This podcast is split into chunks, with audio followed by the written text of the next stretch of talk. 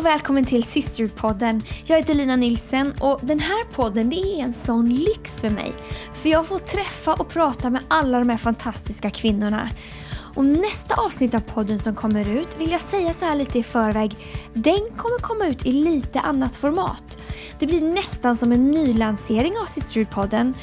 Och jag hoppas att ni kommer tycka om det jättemycket och att det kan inspirera och hjälpa ännu mer. Men idag får vi ta del av ännu ett samtal med en kvinna som jag personligen tycker så mycket om. Det är Helena Liljero. Helena är en väldigt cool kvinna. Hon är 64 år ung.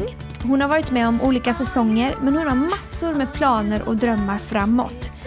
Vi pratar bland annat om hur man kan bygga ett äktenskap som håller i över 40 år, hur man kan vara närvarande för sina barn och hur man kan våga testa nya saker i livet, att säsong efter säsong fortsätta ta nya steg och inte stagnera.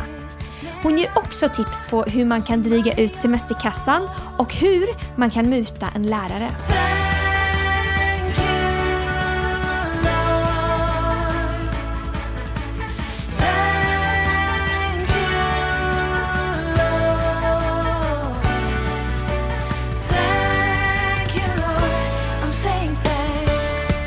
Idag så välkomnar jag Helena Liljero till Sisterpodden. Välkommen! Tack jättemycket. Väldigt kul eh, att va, ha dig här idag. Mm. Eh, vad drog du ditt första andetag? På Falu lasarett. Jag bodde i Svärdsjö. Så där tog jag mitt första andetag. När var det? Får jag fråga 1954, det? den 29 mars. Just det. Mm. Eh, bodde du där i området i Svärdsjö sen? Mm. Vi bodde mitt i byn i Svärdsjö, i ett väldigt stort hus. Eh, och eh, min pappa, han är trädgårdsmästare, min mamma var hemmafru. Så vi hade en blomsterhandel mitt i byn där alla liksom byn kom och handlade blommor och så. Och sen hade vi en stor trädgård. Så där bodde jag i fyra år. Är du bra på växter och blommor själv? Ja, tycker jag. Vad härligt. Du komma hem till mig. Jag är bra på växter. Ja. växter. Jag är bra för att jag har intresse. Det tror jag. Ja. Man måste ha intresse. Man kan inte bara tycka. Men jag har ju fått det med modersmjölken. Ja. Men ni hade, jag vet att ni hade en massa växthus i er mm. trädgård. Mm. Kan Alltid. ni inte berätta om dem? ja, det, alltså, då måste vi flytta igen tror jag. Då, har ni flyttat då? Ja, då har vi, nog, vi har ett litet växthus i Svärdsjö, men där var det bara vanlig odling. Men sen så flyttade vi till Malmköping, då är jag fyra år och där bor vi i två år. Där hade vi jättestora växthus. Och ett av växthusen där hade vi så exotiska växter som persikor och druvor. Och det var väldigt ovanligt då att ja. man kunde liksom 1957 hade druvor och, och persikor. Så att, ja. Verkligen. Åt ni dem själva eller sålde Absolut. ni dem? Ja. Nej, vi åt dem. Ja. Och, vi, och jag vet min storebror som är fyra år äldre, han gick då i första klass. Han hade dem som en muta, så att han hade en hink med druvor till sin lärare. Ja, så det var, ja, det var bra. inget äpple till läraren, utan ja. det var druvor. Och sen är också en annan rolig historia från, eller rolig, det är tidstypiskt kanske, som man gjorde på den tiden. Att ja. man hade inte så gott ekonomiskt, utan man, man försökte liksom fixa till det ändå. Och um, jag hade ju då två syskon till och vi skulle ha semester och det var lite knapert då. Och då kom pappa på den briljanta idén att han skulle odla bara vita nejlikor i ett av växthusen. Mm. Så då odlar vi bara vita nejlikor och sen så färgar vi dem i regnbågens alla, alla färger. Från alltså, ja, svart och orange, alltså massor med färger. Och det var också ovanligt då. Och så lastade vi in alla de här blommorna i vår bil. Vi hade en stor Bedford. Så ungar, katter och mamma och pappa. och så alla blommorna. Och så åkte vi till Karlstad torg. Och jag vet inte om man måste, då hade vi inget, jag förstår inget tillstånd. Vi bara stod där och sålde blommor hela familjen. Och för de här pengarna vi fick då, det var vår semesterkassa. Så då körde vi in i Norge med katter och allting. Och så var vi där en vecka till pengarna tog slut och så åkte vi hem. Vad fantastiskt. Det är såna här fantastiska, ja det är roliga minnen. Var det en lycklig uppväxt? Absolut, jättelycklig. Det är det. Fast nu är jag ju sån som fokuserar på de bra sakerna. Ja. Jag är ju det. Så att, visst, det händer säkert saker som inte kanske är så roliga, men de har jag nog glömt. Vi hade en bra uppväxt. Ja. Eh, om du skulle skriva en bok. Mm. Jag har ju läst lite av det du har skrivit och du är väldigt duktig på att skriva. Men om du skulle skriva en bok, vad skulle den handla om? Mm... Vad det ska handla om? Eh, jag är ju lärare. Jag har jobbat med barn. Jag jobbar på låg och mellanstadiet, alltså yngre barn. Och jag älskar ju också naturen, så jag tror jag skulle skriva en barnbok. Men det skulle inte vara liksom vilken bok som helst. Eh, jag älskar att vara ute i naturen, jag älskar barn, jag älskar att skriva. Så jag skulle nog göra någon sån här forskningsbok i naturen. För jag vet att när jag jobbar som lärare så bara flyttar jag ut lektionerna väldigt ofta ut i skogen eller i naturen. Va? Vi kunde ha matte i naturen, man kunde titta på en myrstack, man kunde räkna, man, man ser myringången, hur många myror som går i sekunden och i minuten och så vidare. Så att jag har alltid gillat att vara ute och jobba med barn ute i naturen. Så jag tror det. En bok för barn. Men du, eh, du säger att du är lärare. Mm. Varför valde du det? Att bli lärare?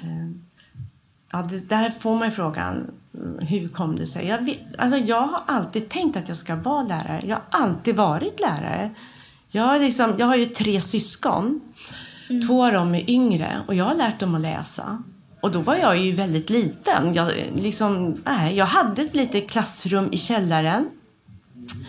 Vet när man gjorde om folkskolan, det blev, van, alltså det blev folkskola, då fick man, rensade man ju ut eh, materialet i skolorna. Då vet jag att jag fick en skolbänk, jag fick lite läromedel. Och då var jag nog bara kanske åtta år, åtta, nio år. Då var jag fullfjädrad lä- Då blev lärare. lärare redan då? Nej, men redan då så kände jag att det här är något jag vill jobba med.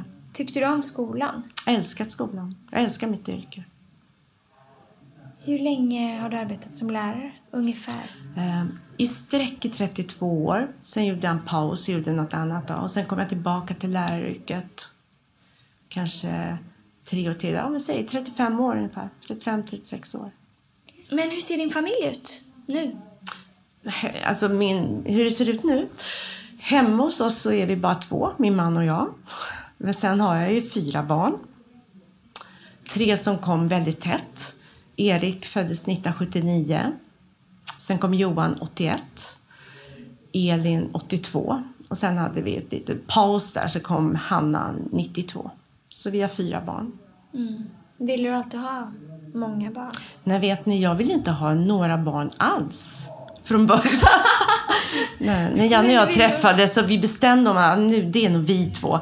Så, och Janne är ensam barn, jag har tre syskon.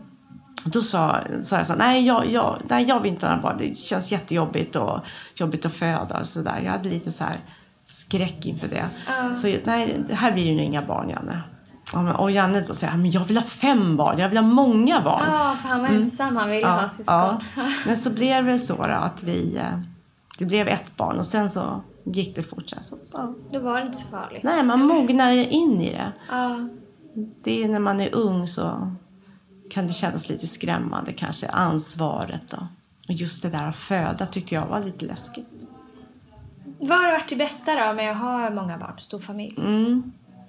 Det bästa med att ha stor familj, det är, det är nog att man aldrig slutar att växa. Alltså man stagnerar ju inte i sitt sätt att vara, sitt sätt att eh, umgås med andra. För man, alltså det är ju liv och rörelse hela tiden. Om man väljer att ha det så. Janne och jag har ju alltid sagt att där våra barn är, där ska vi vara. Och då betyder det också att man är med dem i sin, där de har sin fritidssyssla. Man ser till att man kan påverka på de här olika ställena i samhället eller där de är. Och det tyder ju på att man, man får ett stort socialt liv. Och det hade man ju inte fått om man inte har många barn. Nej, det. Men det är sådana beslut man tar. Och jag, tror att, jag tror att det är viktigt att man följer med barnen för att där de är. Alltså, och inte bara, vi är ju med i en kyrka så där blir det naturligt att man följer med barnen till kyrkan. Man är med kids och man är kidslärare kanske och ser till att, ja, att där ska jag vara. Men det gäller ju också när de har sina fritidsintressen. De går på dans eller pingis eller vad de är. Att de är med där, inte bara skjutsar och, och liksom lämnar av dem utan att man är där och eh, påverkar lite. Det har vi tyckt varit viktigt. Men hur har ni hunnit med det då? Eh, Struktur. Eh, Jo, alltså man är två föräldrar och jag tror det här är en stor fråga. Så ska jag svara på det måste jag nästan backa lite. Man måste nog börja från, om jag får vänta med den frågan. Ja, absolut. Ja, så kan jag fråga för att när man skaffar barn, då, då och, och liksom de, de kommer, då, då börjar man ju få det här vardagspusslet, att få ihop det hela. Och det får man inte bara naturligt, och det, det, utan det måste man prata om, det måste man diskutera, man måste ta upp det noga, noga, noga viktigt och, och liksom lägga en grund där. Och det gör man nog i början, att man bestämmer sig, så här ska vi ha det i familjen. Nu är den här säsongen, nu är det den här perioden, nu, nu kan inte jag göra alla de här sakerna. Och, och då har man, det har man ju bestämt så, från början. Så sen när man kommer in då och barnen växer upp och de ska gå med på sina olika aktiviteter, då finns ju det där, ja men där ska jag vara. Då har man inrutat sitt liv lite. Det kommer inte vara så där, wow, nu börjar de gå på pingis, nu måste jag hinna med. Så att, ja, jag, jag satt nog i flera föräldraföreningar eftersom vi fick dem så tätt också så kunde jag kunna sitta som klassförälder i årskurs tre och sen kanske jag var också i årskurs fyran. Och Janne var också det. Om de, några gick i musikklass, ja, då såg vi till att vi sitta i den föreningen. Och vår mellersta son spelade väldigt mycket pingis. Då såg vi till att vi var i den konstellationen, båda två. Så att, nej, men det, det var ju mycket barn då. Det är det jag säger, att har man en stor familj så sanerar man inte. Man, Nej, är, man testar nya saker hela tiden. Hela tiden. Och jag är den som duckar varje gång de frågar om man vill ha en förälder, eller så här, föräldrarepresentant i klassen. Då tittar jag ner för det, känner jag att jag, det, det är någon annan som kan göra det. Mm. Men jag säger till, eftersom vi har två barn nu som har familj, jag säger se till att vara med. Var med, för du får ut otroligt mycket av det. Och där man är liksom, för sen när man, om man har gjort det här, gjort den här resan med barnen, varit med på naturligt sätt på alla deras små saker. Det behöver inte vara så många saker, det behöver inte vara så länge heller. En sak som jag gjorde, det var, Johan spelade väldigt mycket pingis. Och samtidigt som han spelade pingis, då gick jag på Friskis och Svettis. Och då kan man ju kombinera det där, så det behöver inte vara så svårt egentligen. Om man är med och man lär sig att, att liksom vara med där barnen är, så när det händer någonting som inte är så bra, Alltså det, det kommer ju. En dag så kommer ju det här att barnen har det tufft. Då har man vuxit tillsammans med dem. Då hinner man liksom, liksom fånga upp det i god tid. Det går inte så jättelångt. Man är en del av deras värld på något sätt. Ja, och du, och du ser de där nyanserna. För det är oftast bara små, små nyanser. När ett barn inte mår så bra eller när det har hänt någon liten grej. Som kan bli väldigt stort om man inte fångar upp det från början. Så det är viktigt tycker jag. Så det har varit viktigt. Och man ska också komma ihåg, om man nu sitter och lyssnar på det här, en småbarnsförälder tycker att det här känns tungt. Ja, det, det är ju en kort säsong, faktiskt. Det är Ja. inte så långt. Så Nej. småningom blir de ju äldre och då kan, släpper man ju den här biten, även om man har viss kontakt. Ja. ja, precis. Allt har sin säsong. Ja, Men har du haft dåligt samvete någon gång då för att du inte räcker till?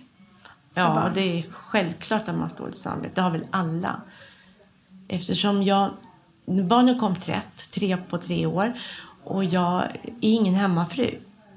Jag ville inte vara hemmafru, även om vi hade kanske klarat det.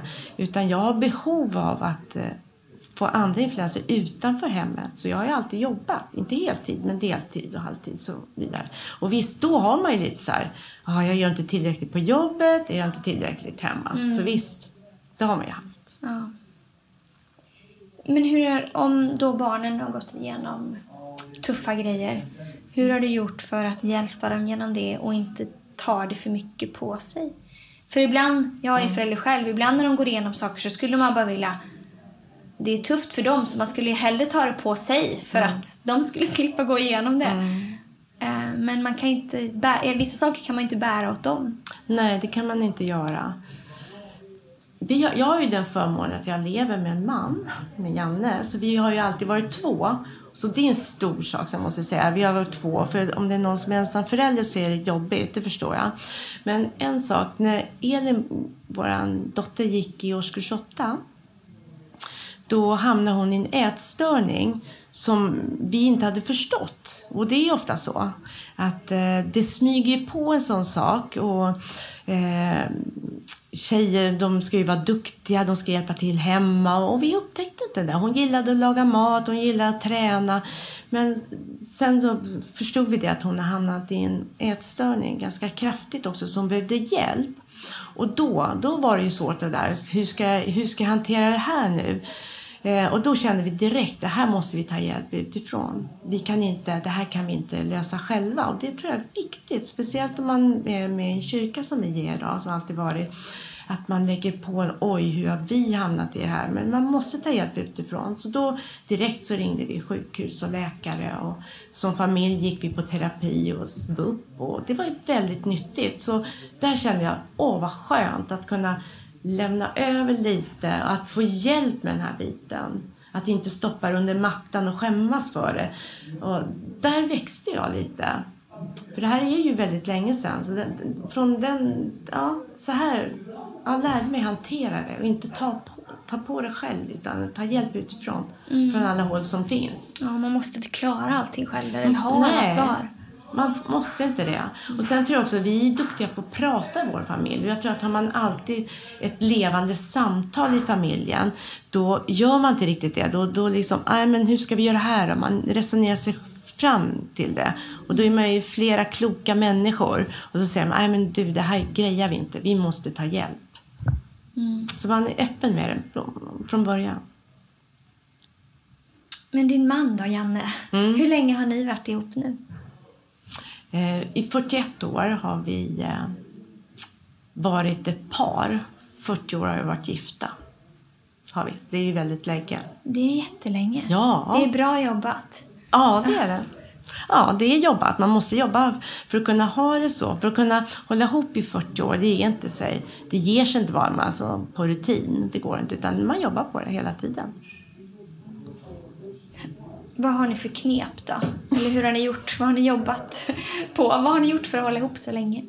Eh, vi har alltid haft ett levande samtal kan man säga. Alltså vi pratar mycket och det har varit viktigt att ha det. Och då är det här att om vi tänker de här, i början när man har små barn runt omkring sig så är det när man träffas äntligen vi två ensamma en fredagkväll, nu ska vi... Så börjar man prata om de här praktiska sakerna och det har inte vi gjort. Utan vi bestämde oss ganska tidigt att när vi får våra stunder, då ska vi prata om saker som vi är nyfikna på. Som man gör den första tiden när man har en relation. Då, då är man så nyfiken på varandra. Och, ah, hur har du? Och man tänker, man läser saker ihop. Och det har vi fortsatt med. Vi, vi, gör, vi kan till och med ha teman på samtal. Så vi kan gå ut och äta och säga, ah, vad ska vi prata om ikväll? Ja, men det här temat, ja det gör vi. Och så har vi förberett varandra var och en på sitt håll. Då. Vad kul, och så kommer vi till, ja, så kommer vi till den här restaurangen eller vad det nu är. Och så är vi laddade. Vi, vi hinner inte få in förrätten förrän vi liksom enormt högt samtal. Alltså, det går fort och vi pratar om nya saker. Och det tror jag, det är en nyckel till att vi har hållit så länge. Vi, vi har hemskt roligt ihop. Men du sa att du jobbade som lärare i massa år, eller många år, 30 mm. någonting. Mm. Och sen så slutade du med det. Mm. Varför gjorde du det? Trivdes du inte som lärare längre? jag jobbar, jo, jag är lite spontan om mig också. Så här var det, jag jobbade som lärare eh, ute i Tyresö bodde på Södermalm.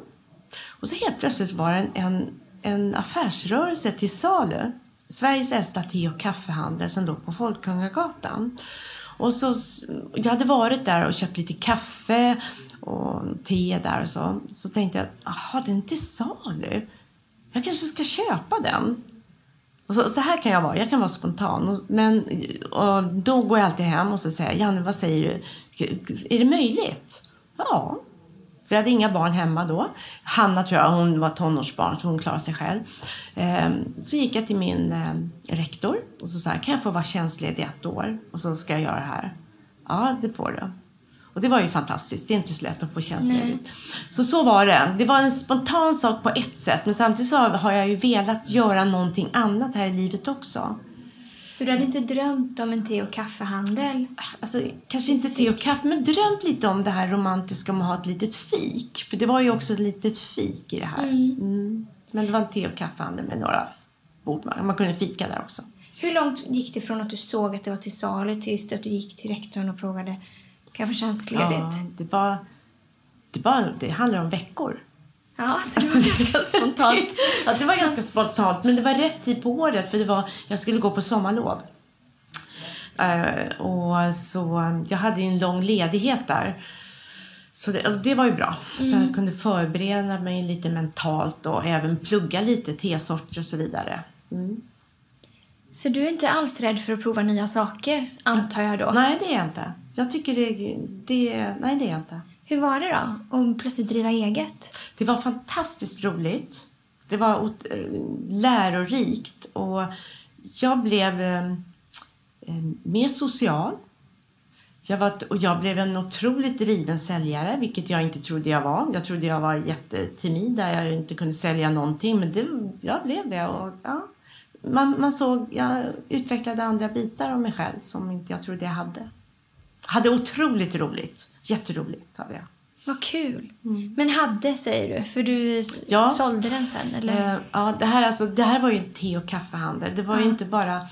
Jag sålde 120 sorters teer oh, wow. och 12 stycken ursprungskaffen. Och det kan vi prata om sen, det är så långt vad, vad det innebär. Och jag hade teprovningar, te och kaffeprovningar på kvällarna. Uh, jag hade eh, afternoon tea på helgerna fik på dagarna. Och när man har allt det här så jobbar man väldigt mycket. Ja, det så, jag, så. så jag kunde jobba då kanske 14 timmar i sträck, flera dagar i rad. Samt minst två kvällar i veckan hade jag te eller kaffeprovningar. Och nästan alla helger jobbade jag i fem år, för jag sålde efter fem år. Och varför sålde jag det? Jo, för att efter fem år så kände jag att det har blivit lite slentrian. Och dessutom har jag tappat lite socialt liv med min familj. Jag fick ju det här med alla kunder och stamgäster och så. Och där hade jag väldigt roligt. Men man tappar ju andra bitar och då kände jag liksom att nej, jag ska nog sälja nu. Mm. Så på dagen faktiskt, fem år efter jag köpte den, sålde jag det. Vilket äventyr. Det var ett äventyr. Men jag vet ju också, du fick ju någon form av influensa där. Som ja. påverkar ditt luktsinne, mm. visst var ja. det så? Ja. Och det behöver man ju när man jobbar med kaffe och te. Vad var det? Jag har aldrig talas om någon som har varit med om det tidigare. Nej, faktiskt inte jag heller. Men det är inte så ovanligt. Jo, alltså jag stod mitt i min kaffehandel då. då. Det var vår. Jag hade bokningar på te och kaffeprovningar ända tills eh, juli tror jag det var. Och det här var februari någon gång. Då fick jag en varelse här influensa och viruset slog på mitt luktsinne och slog ut det helt. Och då tror man ju så här, nej men jag får tillbaka det, för det är, det är inte så konstigt, man blir förkyld och man blir lite tätt ja, i näsan. Precis. Så började det. Så jag fortsatte där och kände, nej men ja, det får nog tillbaka det. Men jag fick inte tillbaka det. Så då gick han till en läkare. Och då säger han, bara så här apropå, vi sitter med, han pratar med oss och säger, nej men Helena, du har tappat ditt luktsinne, du kommer inte få tillbaka det. Och det var ju smärtsamt faktiskt. Jag kommer ihåg själv när jag cyklade, jag var på Söder, vi bor på Söder, så jag cyklade hem bara, kommer hem och storgråter. Alltså jag var förtvivlad. Eh, och tänkte så här, jaha, så jag ska aldrig mer kunna känna några lukter. Och det handlar ju om smaken. För jag, när jag åt så kände jag bara om det smakade sött, surt, salt eller bäst. Jag kände ingenting annat. Så om jag äter, åt en banan då kände jag bara att det var sött, inget mer. Så jag hade ingen skillnad. Så jag satt och åt, så, så kände jag ingenting. Nej. Så, och, och skulle ha mina te och kaffeprovningar. Hur gör jag liksom? Så jag kastade mig på Gud och bad. Och jag bad min familj visste ju om det naturligtvis. Så att vi... Uh, ja, förlitade mig på honom. Nej, Gud, nu får du hjälpa mig. Jag, jag, det här går ju inte. Men jag fick inte min lukt tillbaka. Så jag tänkte, och jag är inte så där så jag går och tänker på det så mycket. Utan jag gick vidare. Jag tänkte Gud har omsorg om mig ändå. Och det har han ju. Och det hade Mm. han. han liksom, jag gick inte ner med det. Det är klart jag var ledsen från början. Men jag gick tillbaka till min te och kaffehandel. Och jag hade mina provningar. För det gick ju på rutin. Ja. Och de som de var hos mig nu, så, för jag, det går ju det. Jag har ju haft så tusentals provningar så jag kunde ju det här ändå. Ehm, Men ja, det var smärtsamt. Men ja, så. Kan du känna lukt nu? Ja, sen efter några år, ehm, flera år faktiskt, så började jag känna smak av päron. Det är den första smaken jag kände. Wow, jag kände att det här smakar päron. Och då, då ringde jag till Karolinska som har ett lukt och smakcenter där, en avdelning där. Så fick jag komma och så fick jag göra en ordentlig undersökning. Och då upptäckte de att man har så små lukttrådar, jag kan inte det här medicinskt, men man har sån lukttrådar bakom näsan här. Och de eh, kan man ju förstöra helt och det trodde jag att jag hade gjort. Men det hade jag inte för det fanns små tappar kvar och en del var långa. Så att min kropp började reparera sig och det började liksom återhämta sig. Så idag så, jag är ingen sån här supertaster så jag kan känna alla lukter men jag, jag kan absolut känna många smaker. Så det, idag är jag i stort sett Fantastiskt. återställd. Mm. Jag tror att du, det första du beskrev var att du kommer ihåg dofter från din uppväxt. Mm. Så man förstår nog inte hur mycket man Alltså, använder sig av Man det. använder jättemycket. Att Man är ju olika förstås. Mm. Men mitt, jag gör ju det. Jag kan ju triggas av liksom, oj, här luktar det barndom, smultron och allt det här vet man känner. Så att, ja. Man får vara rädd om sin kropp. Och den är så unik. Man får, vi får en tankeställare vilken unik kropp man har. Mm. Men du, när jag var barn, kommer jag ihåg när jag såg på mina föräldrar, vad var jag väl då? Ja, när de var 40 någonting. Då tänkte jag, de är så gamla. och jag tyckte liksom att deras liv var nästan över. Ja. Eh, så ser jag inte riktigt på det idag då. Nej, men det men hur tänker du om det? Var det så? Att livet var över? Förstår Nu du menar? 40. inte 40 kanske. Men, men eh, Alltså nu kommer jag för din säga... del så vågar du i alla fall. Du testar ju nya saker hela Ja, tiden. Hur ja. gammal var du när du köpte den här te-kaffehandeln? Ja, jag var 50, 50 55. Ja. Ja, alltså, nu kommer jag säga någonting som kanske verkar konstigt, men jag har aldrig fokuserat på ålder. Aldrig någonsin. Jag är inte... Alltså, man säger så här, ah, 40-årskris och så här. Jag, Ja. jag har aldrig gjort det. Vi, vi pratade om det senast igår när vi hade vänner hos oss. Och här, ah, men vad bra, du och jag kan väl göra det. Och då tänker inte jag på att hon är 10-15 år yngre än vad jag För jag upplever mig själv som jag är så här. Så ibland så kanske det är konst, tokigt att man gör det. Men jag har aldrig fokuserat på åldern. Faktiskt inte. Det är kanske ett knep.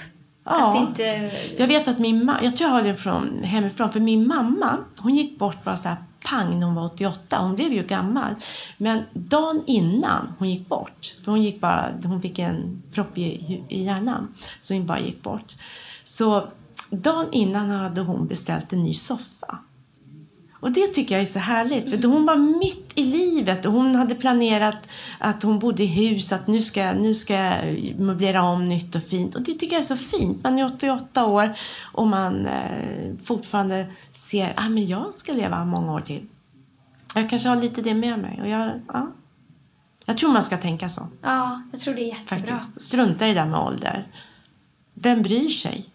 Ja, eller tänka att någonting specifikt förväntas av en Ja, när man är i en viss ålder. Ja, Eller, ja. Jag vet inte. Men hur tycker du om när utseendet förändras då? det tänker du inte på heller? Jo, eller? nej, men det kan man väl göra.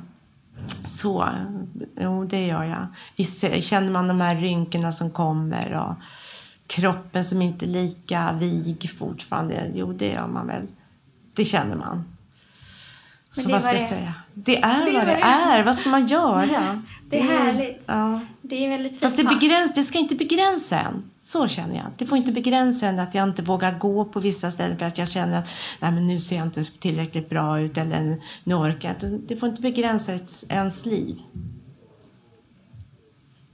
För var det förra året som du och Janne cyklade 466 Mm. mil från Italien till Sverige. Ja, det är jag sjukt. tänkte på det här med kroppen och att den inte orkar lika mycket. Eller, ja. men, eller att den förändras. Men hur, hur, varför gjorde ni det? Ja, varför gjorde vi det?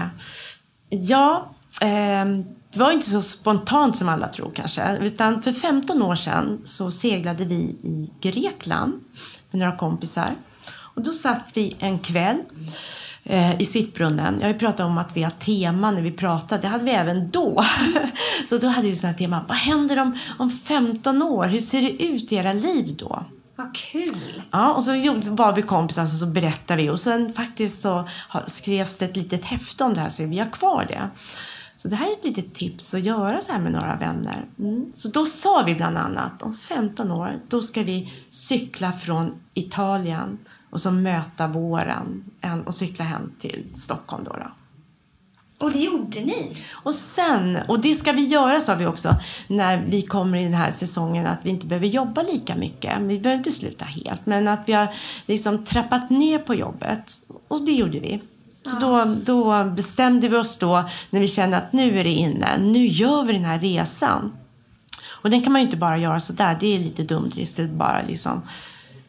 Det gör man inte utan man måste ju träna lite. Ja, annars kommer man ju liksom Ja. första milen. Ja, det och sen går är det inte. något knä. Ja, så vi började köpa racercyklar, för vi gjorde, vi cyklar inte med vanliga cyklar utan vanliga racercyklar. Och för att lära sig cykla sån, så var det, det här var nästan en större utmaning för mig. Det var, vi bokade en resa tillsammans med cykelproffs. Och vi skulle cykla i San Pellegrino i Italien. Och då skulle vi cykla för backar och vi skulle cykla och använda alla växlar. Eh, man cyklar på en sån här cykel, den kan ju inte gå in tekniskt, men man har olika klingor. Man har två klingor på cyklarna och man ska växla väldigt mycket. Och det här var ju besvärligt för mig från början. Jag vågade ju inte röra det där, så jag cyklade ju bara med en, alltså hade bara några få växlar. Så vi var ju tvungna att utmana oss. Så vi bokade den här resan.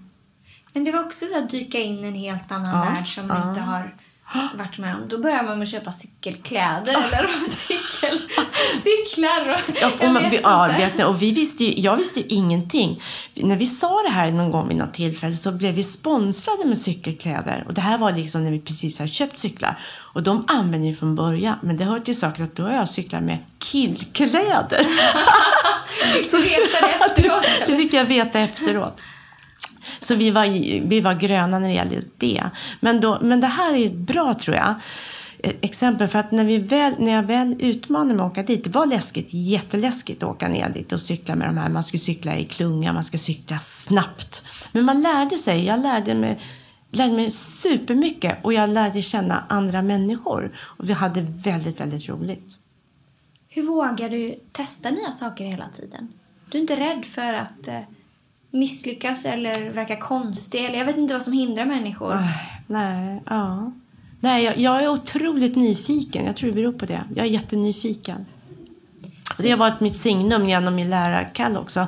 Att är det något jag inte ska förstöra hos barnen så är det nyfikenheten. För jag vet vilken drivkraft, det är en enorm drivkraft. Att man har den här genuina nyfikenheten. Alltså, wow, så där, prova något nytt och inte stänger dörrarna. Så det har jag nog alltid gjort. Så det var för 15 år sedan att du bestämde dig för att ni- Vad ska Fem- du göra om 15 år från och med nu då? Från och med nu. Nej, alltså det kommer ju nya saker hela tiden. Det får man se. Det får vi se. Det får vi se om 15 år. Ja, Då ja. får vi läsa det där häftet som ni gjorde. Ja, Om ni har gjort något nytt. Ja. ja. Eh, du berättade att din pappa var... Ja, att ni var engagerade i kyrkan i alla fall, från att du växte upp. ja. Har du alltid trott på Jesus eller haft en relation med honom? Mm, det har jag. Det har jag. Det, vi har, mina föräldrar var missionare, aktiva. Pappa var väldigt aktiv. Eh, Eftersom han, han har alltid lett körer och duktig på att spela och sjunga. Så, och så hela familjen, vi har alltid eh, haft en, en gudstro i familjen och en väldigt eh, vad ska jag säga, sund tro, tycker jag. Den har varit eh, högt i tak när det gäller trosfrågor. Från det att jag varit litet har vi alltid diskuterat. Och samtidigt har det inte varit så mycket förbjudet. Och det tror jag det har varit bra för mig. Jag har fått göra massa saker som, som är självklart idag. Men min generation, jag är ändå 64, blir 65 snart. Då var det liksom så mycket tabun, så mycket förbud. Och jag har aldrig haft det som liten. Eftersom min pappa köpte Beatles-skivan när jag var väldigt, väldigt liten. Och vi hade liksom, ja. Så att jag har alltid vuxit upp med, med tro på Gud. Men jag döpte mig när jag var 14 år. Då tog jag ett eget beslut om, nej men jag vill tillhöra en församling. Jag tillhör Jesus. Jag vill visa att jag verkligen är trogen. Alltså. Mm. Så då, då tog jag ett eget beslut om att döpa mig. Vad har Jesus betytt för dig? Otroligt mycket. Det, alltså, ibland kan det bli så klyschigt man säger så här, han är med mig hela tiden och jag pratar med honom hela tiden. Men det är så. Alltså, han har betytt jättemycket för mig. Jag, eh, ja, jag har honom som min eh, kompis, kan man säga. Mm. Och alltid haft. Alltid. Okej, okay, så 64 år gammal. Mm. Ung. Mm. Vad drömmer du om? eh, drömmer om... Eh, alltså jag, alltså, man, mina barn är väldigt nära mig, så det drömmer man ju om att de ska få bra liv och att de ska, att de ska hamna rätt och allt det där. Det tycker jag. Men för egen del, som jag drömmer lite utöver boxen nu då, det är att någon gång ska jag vilja göra någonting i tredje världen. Alltså göra när man har mer tid. Alltså, eftersom jag är pedagog, jag har en man som klarar av struktur. Alltså kanske åka ner någonstans och bygga upp någonting. Det är en liten dröm, men den får jag inte säga mer än så. Alltså får jag, jag har ju mera tankar om det, men det får komma sen. Men det, det, det är väl en dröm jag har, faktiskt. Som är lite utöver det vanliga. Men annars har jag många drömmar. Mm. Jättemånga drömmar. Har du något favoritbibelord? Jag har ett, ett favoritbibelord som jag har haft genom hela livet. Alltså från det att jag egentligen började gå på första läger. Man började slå upp den där bibeln och man började stryka under för man tyckte det var så roligt att stryka under. Och jag stryker inte bara under i min bibel utan jag kluddrar. Alltså jag skriver fortfarande. kommentar. Fortfarande. Jag är ja. helt galen. Alltså jag håller på som bara den i min bibel. Jag använder den. Verkligen. Men jag har Ordspråksboken 3, vers 5 och 6. Förtrösta på Herren av hela ditt hjärta Förlita inte på ditt förstånd. Räkna med honom på alla dina vägar så ska din stigar bli jämna. Det är så fantastiskt tycker jag. För det, det är någonting som, man, som jag har tagit till mig hela livet. Jag har verkligen haft Jesus med mig. Och det som låter lite klyschigt att han och jag har gått hand i hand. Men det har jag verkligen gjort. Både när jag har känt att jag har varit ledsen det är det första jag gör. Jag, alltså, jag gråter ju inför min man och mina barn. Så här, Åh, det är tråkigt. Men jag kastar mig alltid på honom först. Och säger Jesus hjälp mig nu. Ge mig trygg och ta bort min oro. Och också när jag är glad. Alltså jag, jag är en sån här människa så jag kan vara väldigt ledsen och sen kan jag bli otroligt glad. Och då är också, det är det första jag går till. Oh, men Jesus, här har hänt mig idag. Och det är så fantastiskt. Och nu när jag kommit också in i den här säsongen när jag har mer tid, när jag inte jobbar längre. Jag har en fantastisk förmån, jag är ledig. Då har jag dykt ner i Bibeln mer än någonsin. Jag läser den varje dag. Otroligt mycket. Och det, det är liksom, jag har en bibelläsningsplan och ibland kan, har jag haft, jag har ju gjort det förut, då har det varit lite tvång där. Åh, oh, hjälp, jag måste läsa nu. Jag har ju ja, två kapitel till. Men nu kan jag längta. Alltså jag längtar till att komma, tända den där lampan på kvällen och läsa. Och jag kan väcka Janne, min man, och säga så här, Janne, vet du om vad det står i Moseboken? Vad är det som händer? Och jag kan liksom, jag, jag liksom, den har öppnat sig otroligt mycket för mig. För nu har jag tid. Jag har gett mig tid att öppna upp. Och det har känts, det är jag otroligt tacksam för. Så, ah. ja, så jag ser fram nu på nästa säsong i livet.